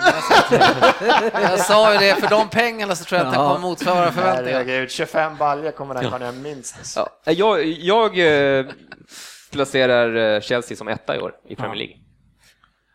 Ja, ser, man, ser man laget och du rabblar så här så man ser ju liksom inte någon Och- som skulle kunna... Och Chelsea har ju ändå liksom varit som ja, de flesta här, de har inte ens varit bra. Och ändå är de Nej. bra liksom. De gör... Men det är det här som jag tror är Citys då framförallt och de andra lagens chans. Att, eh, och det är lite grann Mourinho tycker jag och kanske lite grann gamla eh, Chelsea också. Att det där, man spelar jämt så snålt och att man, man nöjer sig ganska lätt med att ha ett mål eller två mål. Och man liksom släpper inte loss alla hästkrafter man har i det här laget och det gör att man kan åka på sådana här skitförluster mot, mot sådana här lag som Leicester, West Ham, man kryssar, West Brom, alltså man hade, det var ju många lag som hade problem med hemma förra året. Eh, så jag tror, alltså om man bara liksom man Släpper bara kan allt. inse vad du har för lag och dominera matchen och kör över dina motståndare istället för att göra så här. För det, jag tror att han fortfarande Nej, ja. kan få problem. Jag menar som en, mot Leicester nu här, hur lång tid tog det innan de gjorde första kassen? Det var ju någon gång i... 64 eller så. Precis, det är ganska lång tid mot ett lag som Leicester. Ja, men ändå, jag tror fler av de här lagen som kommer upp som man tycker, så det, det, är- det, är, säll- det är sällan det blir så här som Arsenal kan spela, släppa in sex mål mot Chelsea då. Men de flesta lagen spelat i början så här, men det viktiga är att de kostar peta in de här. När det Ja. har gått 10-15, när de här när serien börjar dela upp sig, det börjar bli de här bottenlagen, de är inte lika stöddiga, de vågar inte pressa. Då kommer kosta peta in de här målen i 15-20 minuter istället. Ja, ja vi får se. Eh, Jag, det, det, det är väl risken för dem. Sen så vill, det är ju lite grann eh, förhoppning också. Ja. för det, det är svårt att hitta Men om svagheter. du tittar på Chelsea också, man har sagt att det mittbackarna sommar, de har gått för galna pengar. Nästa sommar, det känns som kan vara forwardarna sommar, för det finns fan inga. Vilka fan gör mål liksom? Ja, det finns Alla topplag letar i forwards. Ja, förutom City, ni har åtta och alla är dåliga då. Men... Nej, nu trampar vi vidare killar. Ja. Tack Jugga. Veckans fokusmatch. Ja, vi har ju två fokusmatcher och trots att vi har spelat in över en timme redan så ska vi ju såklart prata om toppmötet mellan Manchester City och Liverpool. Etta mot tvåan förra året. Eh, och snabbt in i det här så lite överraskande att se Clichy tyckte jag från start. Eh, Inget som gjorde mig glad. Eh, Sabaleta var tillbaka, eh, sen har- apropå ytterbackar, Moreno gjorde debut direkt. Det var in- inte länge han var i där klubben innan han hoppade in. Nej, han sa ju redan när han kom, eh, Rodgers, att han är, han är redo för match. Att, eh, Det är för han vill kasta 20. Fan, Ja. inte, det är inte snällt. Eller så är det schysst, liksom, visa Ja. att jag tror på det. Jag Ja, mot, Liv, eller mot City spelar ingen roll, du ska in. Nej, Någon in gång och måste de ju börja, så att det är han hel och han har ändå sett bra ut på träning, så varför inte? Liksom. Så att, men, eh, ja. Men eh, ja, nu måste vi sådär, nu, vad, hur många poäng hade City inför den här matchen? Tre poäng. Eh, och. Ja, tack. Och, och Liverpool hade tre. Ja. Och så säger Pellegrini att det här är en sexpoängsmatch. Eh, kan vi reda ut det här någon gång? Vad fan betyder sexpoängsmatch? Men kan det vara så svårt att förstå skillnaden? Jo, för, men vadå, hade City hade City haft sex poäng och Liverpool tre, om man vinner, då blir då det det en sex sex poäng. poäng. Det är det jag har sagt alltid. Ja, precis. Det hävdar Så- jag är en sexpoängsmatch. Ja, så varför, så Pellegrini säger, alla säger det här och jag tror att vi är idioter som inte fattar vad en sexpoängsmatch är. Så Per, du säger att jag är en idiot nu. Vad är en Jag, sexpoängsmatch? är idiot. jag tycker det är svårt att förstå. Skillnaden mellan att vinna och förlora matchen är ju sex poäng mot det laget. Vinner Liverpool, eller City vinner, alltså vinner City, nu var, hade Liverpool vunnit istället för City, det är ju sex poäng skillnad mellan de lagen. Nej, det är tre. Det blir tre poäng, de ligger på samma poäng. Vi är på samma poäng. Men för, alltså hade, hade Liverpool vunnit, då hade ju de haft tre poäng mer. Ja. Ja. Och City hade haft, de hade inte vunnit den matchen då. Nej, jag är ledsen. Jag, ty- jag tycker inte det är så svårt att förstå. Nej, jag tycker det är, jag, ty, jag tycker det, det sunda är precis, hade City haft sex poäng och Liverpool tre och City vinner, då är det, se- det är en Ja, sexpoängsmatch. då är man, kan man gå ifrån till sex poäng det istället, sex poäng eller istället för att man Det kommer... här är ju bara, det är bara tre, det är bara tre poäng skillnad. Så när det är typ så här om det är 15 poäng mellan två lag, och så, då är det en 18 poängs match då eller? Om man, Ja. Aha. Ja, bra. Jag tror vi släpper. Ja, men nu, ni som eh, ni är ju väldigt duktiga kära lyssnare på att prata oss. med oss på Facebook. Oss. Kan ni för en gångs skull hjälpa oss att reda ut det här? Är Pellegrini ute och cyklar eller är vi helt knasiga i skallen? Ja, vi går vidare. Eh, om vi pratar första halvlek nu då Jörgen, det blir mycket du och jag här nu, City Liverpool. Eh, City imponerar inte särskilt mycket, ser ut att vara väldigt mycket tunga ben. Är det? var, var, en väldigt, var en väldigt förvånande matchbild för mig i första halvlek, eh, absolut. Som du säger, eh, City såg eh, trötta ut, eller trötta, nej men alltså tunga ben som du säger, liksom, lite segt och sådär. Liverpool fick tippa fram med sitt lilla finlir och det. Och det lyckades de ju bra med fram till sista tredjedelen då, kan man säga. Ja, och, och det, jag, det jag tycker att man märker på då att man inte var på tå, det är ju att man ger bort så mycket frisparkar runt omkring straffområdet på egen plan. Man tänker bara, vad i helvete, ni vet vem som står de där frisparkarna, hur många assist han gör. Kan ni sluta ta frisparkarna? Men det är, man, man hänger häng, inte med de snabba spelarna. Nej, det var liksom, det, det gick för fort nästan för dem kändes det där nere. Så jag tyckte det såg, jag tänkte så här, ja men fan, men det, är- det är så viktigt att få in en boll då liksom, när man har det där, Ja. fått det där, framförallt mot City hemma, när de är hemmaplan. Liksom. Det måste in med en boll liksom. Jag tycker ju att även om ni, ni äger ju, efter första tio så äger ni första halvlek. E- Egentligen ända fram till sista fem minuterna sådär. Men det, men det är som du säger, men jag tycker ju ändå inte att det skapas så jättemånga farliga målchanser. Det är, det är Sterling som är, han står ju ut i alla lägen för att han är så jäkla snabb och bra. Men det, det kommer lite till det där riktiga farliga va? Nej, men det är det jag säger, vi spelar ju bra fram till sista, men sen Mm. har vi ju inte, vi hade ingen fantasi, menar, en Coutinho, han var ju helt värdelös. Eh, Sturridge, den enda som gjorde någonting tog en löpning för att bryta mönster, det var ju Sterling. Ja. Eh, Och sen, ja, sen kom väl den gode målfarliga Henderson kommer fram någon gång och när han är där framme, han hotar ju aldrig när han kommer fram i de där lägena liksom. Han hade några fina lägen, men han Ja. var åt fel håll Ja, och men då grejer. kom han, han Ja, kom ju, han, nej, men det, det är ju så, han, han får ju värsta mackan men han lyckas komma fel med bollen så han får vända ut igen Ja. straff mot, jag bara, man sitter och river Och samma sig på, sak men, den här- men jag håller med dig Dennis, det var absolut Frisparksvarianten där när, när Ja, ja, var Gerard chippar ja. fram den. Han skulle slå till direkt Ja. ju. Han tar emot den och sen blir det ingenting av det. Så att, nej, så att jag, jag tycker borta, den är död. Liksom. Ja. spelet fram till sista tredjedelen, men som sagt vi hotade inte, vi hade ju inga sådär jätteklara chanser liksom att göra det, men det, men det var för fantasilöst den sista tredjedelen. Om man ska se till City och hur man spelade. Eh, den enda som jag tyckte sprang i City, det var ju Jovetic. Eh, och det är lite roligt för jag, när vi satt och kollade på den här matchen så chattade vi, det går ju, hade det varit sms hade det varit 3000 sms oss emellan på en match. Eh, och då sa jag ju det att eh, jag blir så jävla förbannad på Jovetic för han är så jävla slarvig med sitt passningsspel, han ger bort så mycket anfall.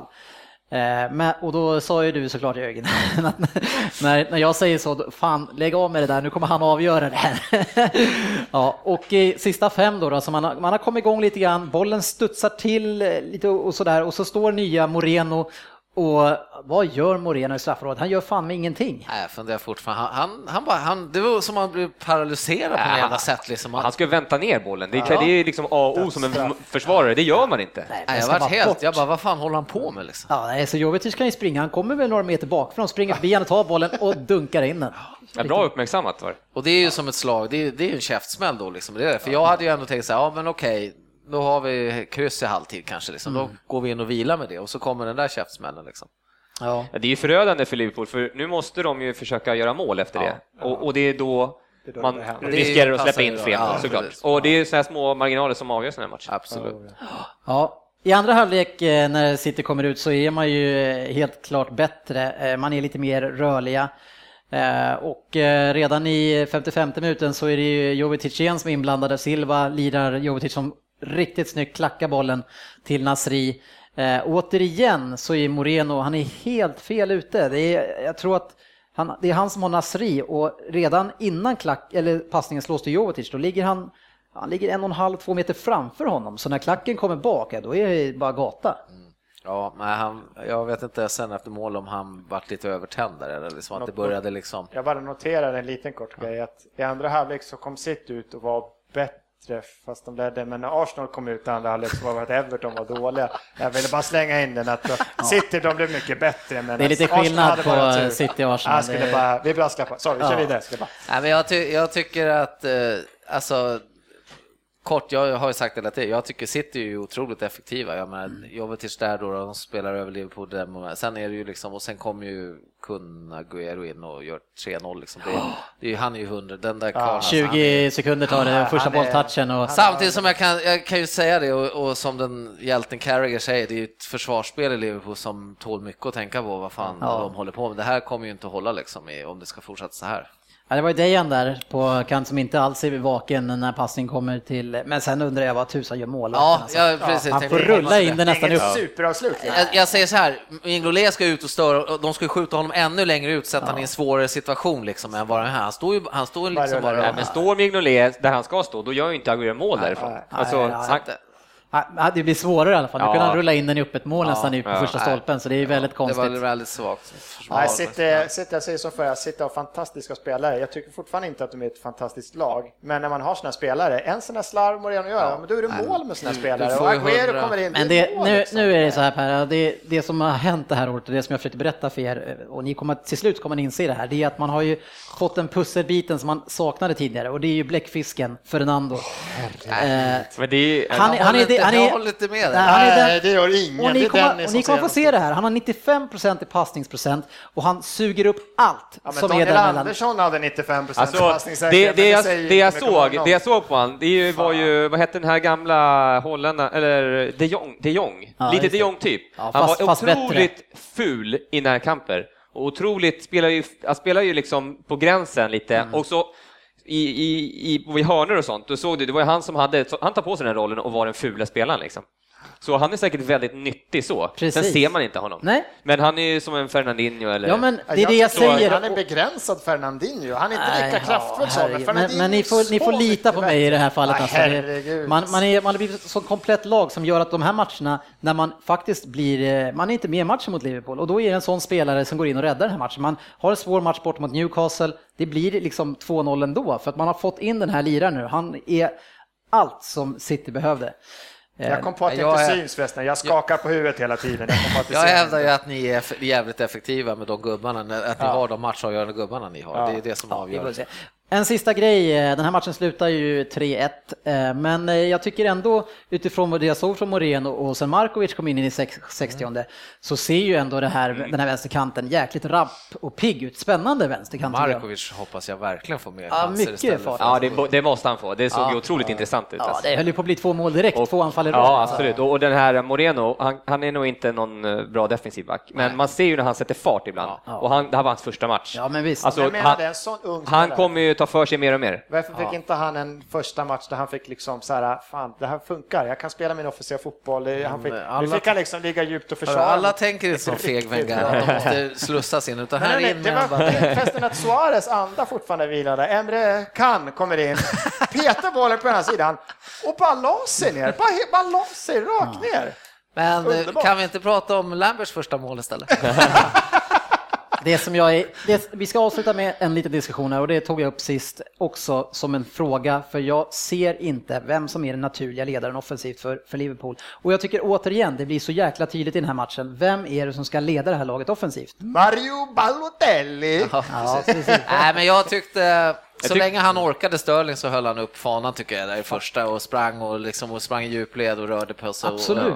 och- tycker men jag- men ja. han, Ja, det, det är ju det är som jag sa då också, det är åldern emot alltså. Det är frågan om han orkade och axla den, att han ska ha den bördan på sina axlar redan nu. Han är ju fan 20, bass, 20 ska han fylla va? Men ni pratar ju så jäkla mycket, du Jörgen också, väl säkert med den här Coutinho-hypen. Ja. Och, jag, och jag ser ju liksom, den här människan, han tar ju sig aldrig in i matchen, Han har någonsin. varit urusel i två matcher. alltså. ja men det här, så såg han ut hela förra säsongen också. Han Nej, glimtar nej, till då och då. Liksom. När han kom så var han ju otroligt eh, företagsam och, och, och duktig. I ett par matcher Ja, ja, då ja och då. precis. Men liksom. däremot någon jag vill plussa på den här matchen, Joe Allen ser ju bättre ut än någonsin tycker Ja, jag. faktiskt. Alltså hur hans sätt att behandla bollen och våga. Eh, Han hade mer pondus. sn- Ja, precis. Han, han förra han året han lite vågade inte någonting. Nu, jag, han och hon ser... Men jag håller med den. Jag, jag, jag tycker Coutinho är en bra spelare, och han, men- men han är alldeles för, han är alldeles för ojämn helt enkelt. Det, det är han, som han har uppträtt i de här två första matcherna, jag skulle bli förvånad om han får starta mot Tottenham. Alltså. Det känns ju nu som om man plockar in Balotelli, eh, som har med ju, eh, Lalana kommer, alltså det kommer ju bli tufft för honom att få speltid. Alltså. tror ändå, nu vill de ju förlänga hans kontrakt i alla fall. Han är ju ung, så Ja. det, men, Ja, han är det, också ung. men han, man, han, Men måste ju ta på sig rollen. Ja, han måste ta sig kragen och leverera. Han kan inte försvinna så länge. Men nu vet ju inte vi han- heller, har Coutinho haft en helt full försäsong? Alltså, förra året var han skadad och ganska många veckor med ju varje, axel och Han spelar ju varje match i varje fall i USA där. Så han ju kanske har varit förkyld och så. Inte. Man vet hur det är. Det är ingen hit liksom. Ja, Nej, men vad jag skulle säga också, det hade ju varit jäkligt intressant om Lambert hade kunnat varit klinisk och gjort 3-2 där 3-2, när han, ja. istället för att lira boll. Då hade det kunnat bli lite, bara liksom för att se hur City hade Vilken reagerat. jävla hönsgård det har varit i Citys Ja, försvar där, alltså i, i någon det, två är det, minuter. jag, det är därför jag men säger gissa att, vem det var som rensar egen spelare. Klichy såklart. Men Clichy var ganska duktig ändå tycker jag. Ja, Ja, ja. Nej, men det är hu- 100% i effektivitet. Det var, det var inte mycket Jag saknade mycket. Nu släpper vi det där och vi går igenom veckans resultat som var ju då Manchester City mot Liverpool 3-1. Vi hade Sunderland mot Manchester United och där blev 1-1. Eh, Sunderland-fansen var nog ganska missnöjda med eh, missade tre poäng där faktiskt. Konstigt hur det har blivit. Eh, Hull spelade 1-1 mot Stoke och trots tror jag att Hull fick en utvisad spelare väldigt tidigt i den här matchen. Sen hade vi Spurs som avhandlade QPR väldigt enkelt. Och vann med 4-0 och eh, våran egen Per Eklund eh, han satt och njöt över att Lamela gjorde två fina assist och tydligen var väldigt bra. Eh, sen hade vi Everton mot Arsenal som vi sa 2-2, Chelsea mot Leicester 2-0, vi hade Crystal Palace mot West Ham 1-3, Southampton mot West Brom 0-0, Swansea mot Burnley 1-0 och Aston Villa mot Newcastle 0-0.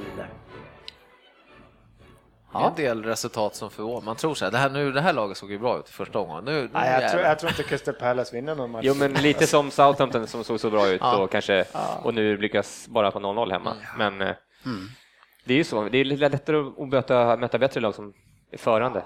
Ja, det är häftigt. En rolig start på ligan. Absolut. Söderberg lurar oddset.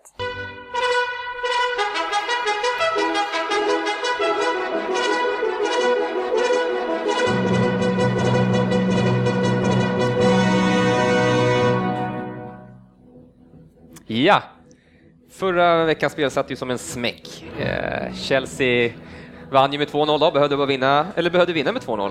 Så det var bra. Och eh, Tottenham gjorde sitt mot QPR. Eh, den här veckan så går jag in på, på U, UEF, vad heter det? Europa League-kval. Ja. heter det. Det är svårt med de här fotbollscuperna, du är inte van. Liksom. Ja, jo, jo. Eh, och eh, jag eh, tänker då spela ett spel i matchen eh, Rio mot Elfsborg. Rio Ave, vad heter de, Aveny? Rio Arve? Ja, Avenue. Nej, Rio Ave, Göteborg. Avencides, inte vet jag vad de heter. I alla fall ett portugisiskt lag som kom, jag tror de kom åtta eller nia i portugisiska ligan förra året. Och eh, de ska då avhandla Elfsborg på hemmaplan. Det vart ju 2-1 till Elfsborg första matchen, men eh, de här Rio var ju faktiskt ganska bra och borde ha fått med sig minst ett kryss. Ja. Och jag väljer att lira eh, att Rio ska leda i första halvlek, eller de ska vinna första halvlek och sen vinna hela matchen totalt. Okej, så de behöver inte vinna andra halvlek också? Nej, vin, leder de efter första så, och vinner matchen sen så är det Då är vi hemma. Då är saken biff. Yes, så halvtid, fulltid, 1-1. Och eh, oddset på det är 2,43. Det var lite därför jag väljer lira, för jag tycker det är ett lite överodds. Ja, Eh, insatsen blir 300 kronor. ja. Trevligt. Och vi, Yes. vad, har vi, vad hade vi för saldo sa du? I kassan har vi 4369, för förra veckan gick vi plus 369 Ja, kronor. ett, jag gillar det. Äntligen är jag med varje gång. Jag, jag kan aldrig glömma att spela. Nej.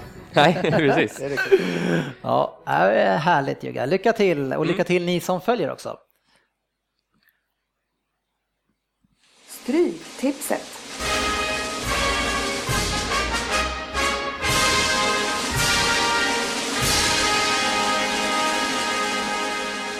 Ja, och det är här vi ska vinna de stora pengarna. Eh, Ursäkta Jugga, men så är det ju faktiskt. Eh, Och det är våran tredje vecka nu som vi ska, eller det tredje veckan som vi ska köra vårt nya system.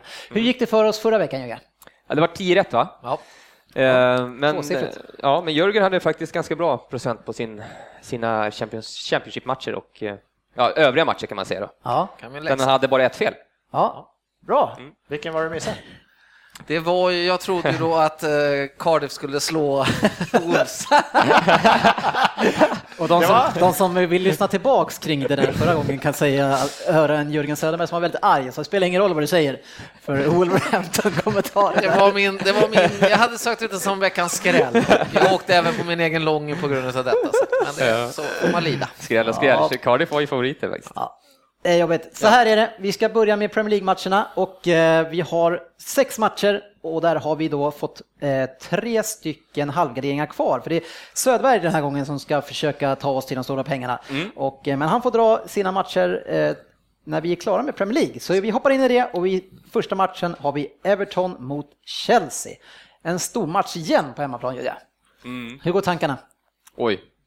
Ja, ja alltså jag, är, jag brukar alltid vara så här att nej, fan det här kommer inte gå. Men så var jag förra året och då var, gick det bra och förr, förra året då gick det bra. Ja. Eh, Vi, vi har bra statistik hemma mot, eh, mot Chelsea. Okej? Eh, Chelsea är väl lite bättre i år kanske, jag vet inte. Det känns som det. Så jag, Men så ja. kanske du har tänkt också varje år. Chelsea är lite Ja, bättre i år. kanske. Jag har suttit och hyllat dem i 15 minuter. Jo, nej men jag... Kommer det något tecken ur den där eh, Ah, diskussionen? ja, jag har en, en gardering, kryss 2, känner jag. Jaha, fast du pratade för Everton där? Ja. Ja, men... eh, Ja, här- jo, men... Ja, jag, jag tycker också en gardering är ju liksom... Ja, så, de vad kan har ta du? det. Kryss två. Nej, fan, jag, varför ska du slarva en gardering på det här? Jag har spik 2. Ja, jag har kryss två också. Lita ner det. Jag älskar att efter att ha sett det för ändå frågar honom. Fast det är Gud, Ja, men det är kul att höra. Ja, det är så fruktansvärt Sen har vi onödigt. Manchester City mot Stoke. Är det någon som vill dansa in någonting annat än en etta där va? Alltså jag pratar... Nej. Nej, etta eller? Den är lika klar som tvåan Ja. i första matchen. Ja. Sen har vi Newcastle mot Crystal Palace. Eh, lite klurig. Förra året när, då trodde jag liksom att Crystal Palace skulle ha en chans. Jag tror att de tog 0-0 där förra året borta. Lite, lite rörigt där uppe nu, så nu jag plittade ner till slut en etta. Men Ja. eh, jag är fan... Jag är lite inne på en singeletta. Jag, jag tycker Newcastle har sett bra ut det i år och de är ett intressant lag med Rivière på topp och de Ja. har lite nya sköna lirare. Vad heter han på kanten? Caballero, eller? Cambe- Cambella? Nej. Cabella, ja, något sånt. Ja, kanske. Campbell. Ja, nej, men de ser bra ut. Cissoko är fin också och framförallt eh, den, den nya holländska backen jag sa det sist ser riktigt bra alltså. Janmat. Ja, riktigt bra. Ja, vad säger du nu då? Nej, men jag satt och kollade lite på Newcastle Aston Villa fast jag hade ingenting för mig. Jag gillar att titta på lite grann. Och eh, Newcastle gjorde väl ganska bra mot City första, men de är ju totalt ofarliga. Ett kryss säger jag det. Per? De är totalt ofarliga, ett kryss. Ja, men de ska garderas då i alla fall Nej, det, det är en säker etta. Ja, men då tar vi ettan. Härligt. Ja. Yes, match fyra, Queens Park Rangers mot Sunderland. Eh, Och där vill jag skräll... eh, Plitta in en tvåa, jag vet inte om det är en skräll, Ja, men jag tycker QPR, jag har kollat på QPR i, vi har ju, det var det jag skulle säga till er, jag tog med mig ligabibeln hit eh, för att vi ska undvika såna här grejer som att säga att Herrera är 21 eller liksom. men, och så tittade jag lite grann på Queens Parks lag, alltså, det- är fan inget bra lag de har alltså. Jag har sett för, eller jag har sett för lite. Richard Dunn den. spelar backlinjen. Ja, och de, de, de har fembackslinje. Och Richard Dunn spelar där. Jag, Tillsammans med för... bra chans tycker jag för Sunderland här alltså. Ja, ja Sandren har ju sett... De har ju liksom... Sportchefen, vad säger du nu? Nej, men jag, ja, självklart har jag med Sandler, men jag tog med Quiz Park. 1-2 tog jag faktiskt, för jag tänkte det. Söderberg? Fan, de måste ju vinna någon gång. Det luktar mer i så fall ett kryss Kryss då tycker jag, ja. Ja, eh, än, än att, Q, att alltså man får välja en sida här nu. Eh, ett, två kryss, alltså Sunderland kryssar ju ofta känns det som. Q- Queens Park Rangers kanske måste, nu kanske vi måste ta en poäng känner de också. Jag tycker att de kommande matcherna efter det känns mycket jämnare. Eh, Jag tycker att det är en bra chansning på tvåan.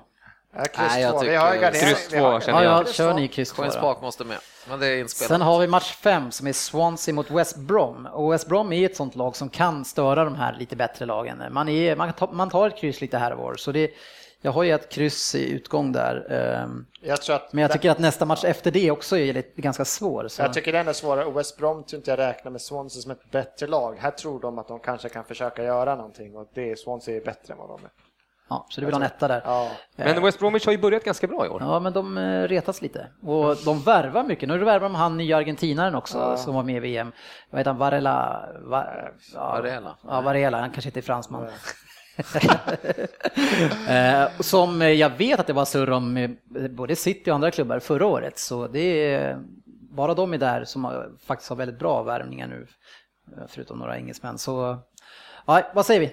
Jag, jag, skulle, jag skulle nog vilja tänka mig en 1-2 Jaha. för att få med West Bromwich. Eh, Men Sportchefen? halvgardering hade jag? Ja, vi har en kvar. Jag har ju hyll, hyllat Swansea dessutom. Jag har spikat Swansea. Ja, men vi kör nästa då. Ja.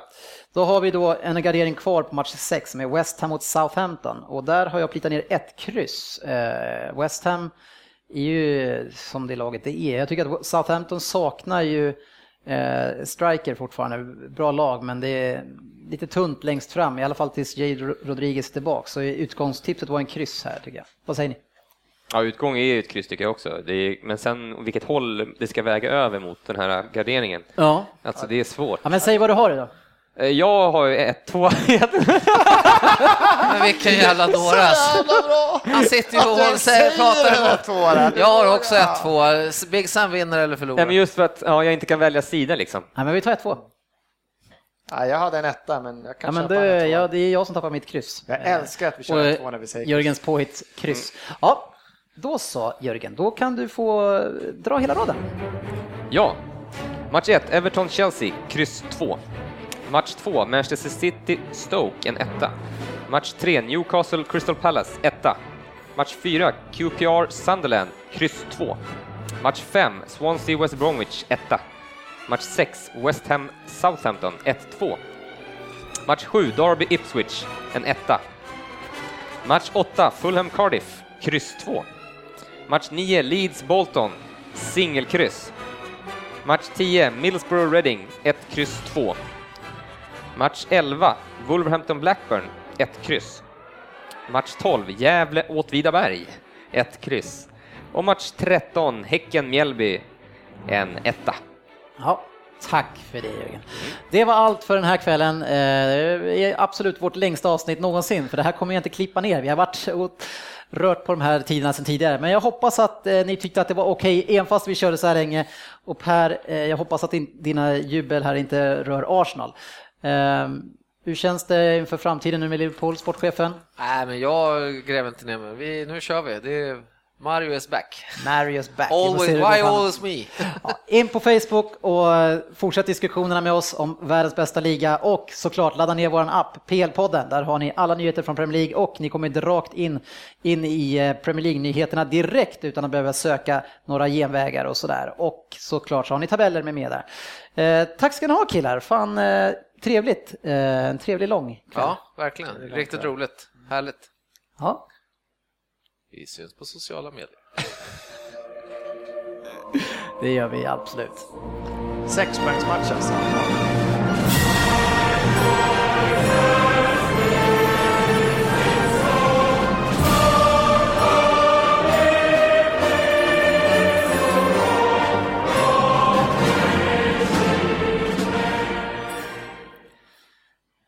Yes.